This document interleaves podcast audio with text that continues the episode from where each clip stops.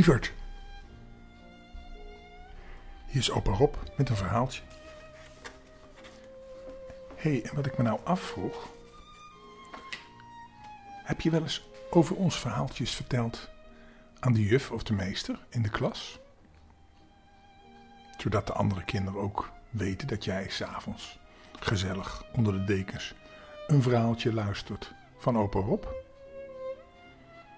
Misschien wel heel leuk.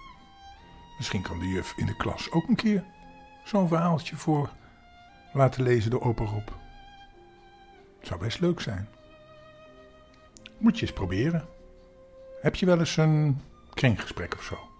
Of spreek je wel eens met de juf? Misschien moet je het dan een keertje tegen zeggen. En dan moet je ook zeggen dat we nu voorlezen over een collega van de juffrouw of de, of de meester. Namelijk meester Pompemoes. En meester Pompemoes is niet van appelmoes.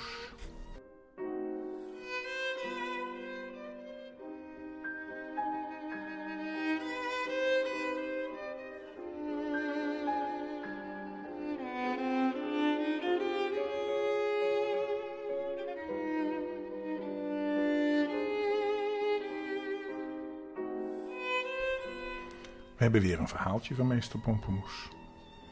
Vandaag gaat hij verhuizen. Meester Pompemoes had altijd een mooi oud huisje waar hij in woonde. Maar er was één ding wat hij miste. Hij had geen tuin. Het was een bovenhuisje met een hoge stoep en vier trappen op. En meester Pompemoes was dol op een tuin. Beetje groen, een paar bloemetjes. Tussen al die stenen van de stad, zei hij altijd. Dat maakt het hart jong. Want de natuur is toch altijd de natuur. Daarom was meester Pompemoes heel blij toen hij zijn huisje kon ruilen met een benedenhuis van een familie die juist een beetje hoger wilde wonen. Want, dacht die familie, hoe hoger we wonen, hoe dichter zitten we bij de televisieantenne en dan krijgen we een beter beeld op televisie. Want televisie is toch alles in je leven? Nou, dat is niet zo hoor. Bij dat benedenhuis hoorde ook een grote tuin, die er verschrikkelijk verwaarloosd uitzag, met allemaal oud roest en metershoog onkruid. Maar dat vond meester Pompelmoes niet erg. Spitten en planten en helemaal zelf een prachtige tuin aanleggen, dat deed hij graag. Ook al zou hij er misschien pijn in zijn rug van krijgen. Goed, dat komt dus allemaal wel in orde. En de dag kwam waarop meester Pompen moest, moest verhuizen. Hij had alles al een beetje ingepakt. Voor zijn boeken alleen al had hij 29 kisten nodig gehad. En toen de verhuizers kwamen, zeiden ze: Nou, nou. En hij zei: Nou, heren, ik heb alles klaargezet. Dus u kunt beginnen. En de verhuizers haalden een heel raam weg en toen begonnen ze de meubels en de kisten naar buiten te takelen. Dat wil zeggen, aan een touw dat via een takel, dus een soort katrol, bij de, bij de dakgoot liep. Ze lieten alles naar beneden zakken. Onderuit schreeuwden ze steeds als er een voorbijganger bleef staan kijken. Want, ja, je weet natuurlijk nooit of iemand krijgt een zware schrijftafel of bureau op zijn hoofd. Nou, dan krijg je een aardige deuk in je hoed, dat kan ik je wel vertellen. Zeker als je helemaal geen hoed op hebt. Meester Pompemoes vond het prachtig, die verhuizing.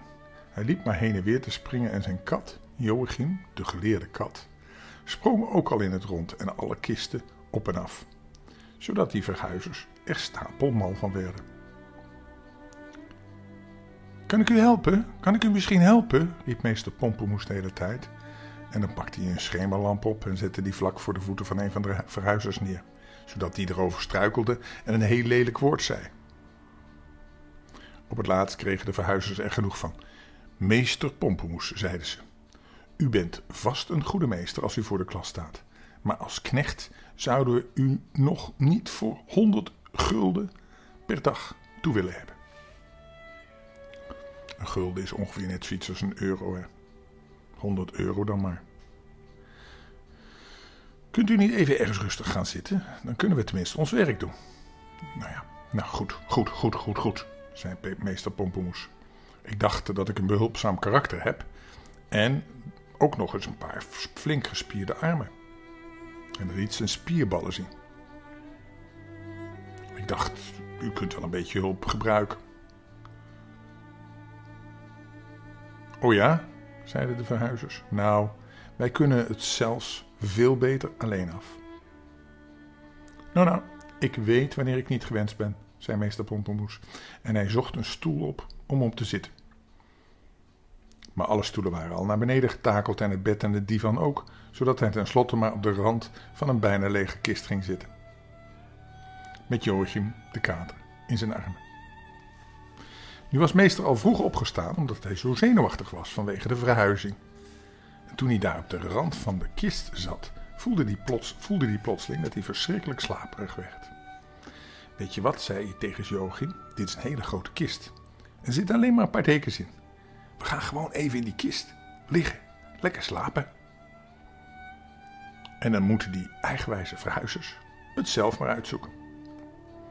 En hij ging in de kist liggen, met Joachim bovenop zijn buik. En binnen een paar tellen waar lagen ze allebei heerlijk dronken. Toen de verhuizers ongeveer klaar waren, stond alleen de kist nog maar in de kamer. Nog één kist, riep een van de mannen naar beneden. En zonder te kijken wat er in die kist zat, gooide hij de deksel dicht en maakte de sluiting vast. Daarna sjouwde hem naar de het raamopening, sloeg het touw eromheen en liet de kist naar beneden vieren. Meester Pompermoes werd wakker, omdat hij zo'n zweverig gevoel in zijn maag kreeg. Joachim, zei hij tegen de kater, word eens wakker. Heb jij nou ook zo'n gevoel alsof je op de kermis in een hoge schommel zit? En oh, oh, oh, de kist is helemaal dicht. Ik kan geen hand voor ogen zien. Joachim rekte zich eens uit en zei toen: Ik snap het al lang. Wij zijn Hugo de Groot geworden. Hugo de Groot? vroeg meester Pompemoes. U hoort als schoolmeester toch te weten wie Hugo de Groot is, zei Joachim. U weet toch wel, die vent die in een grote boekenkist uit het slot Loevestein ontsnapte.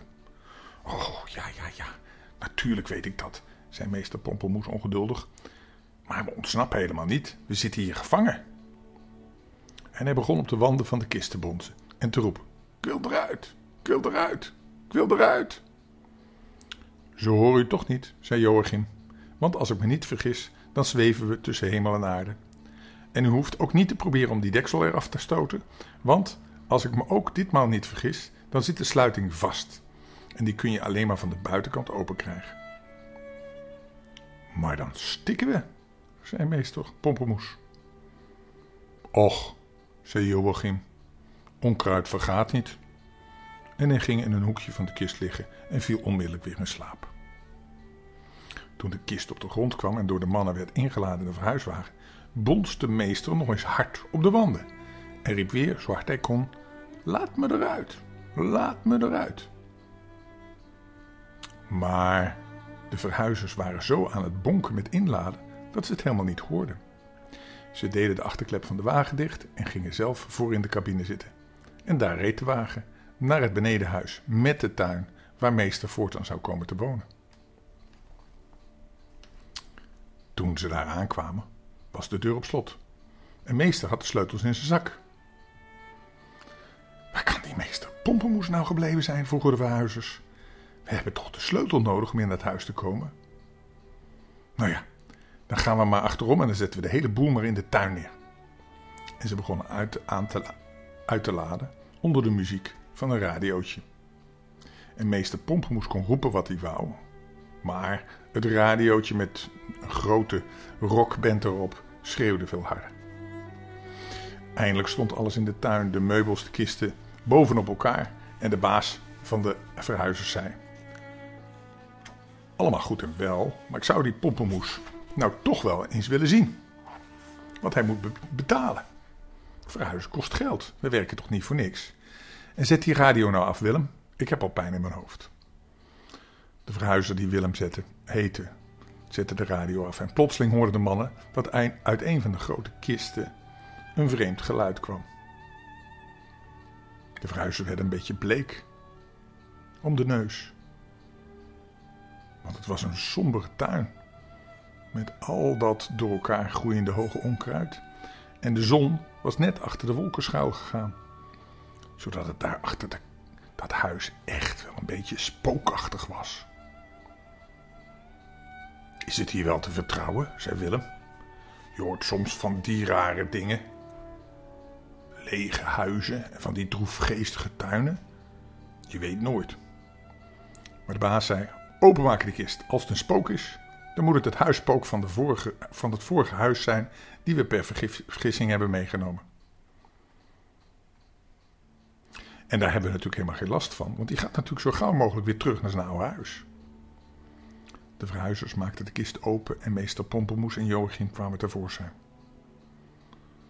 Gelukkig dat u er bent, zei de baas, want ik heb hier de rekening voor u en er komt nog vijf gulden bij.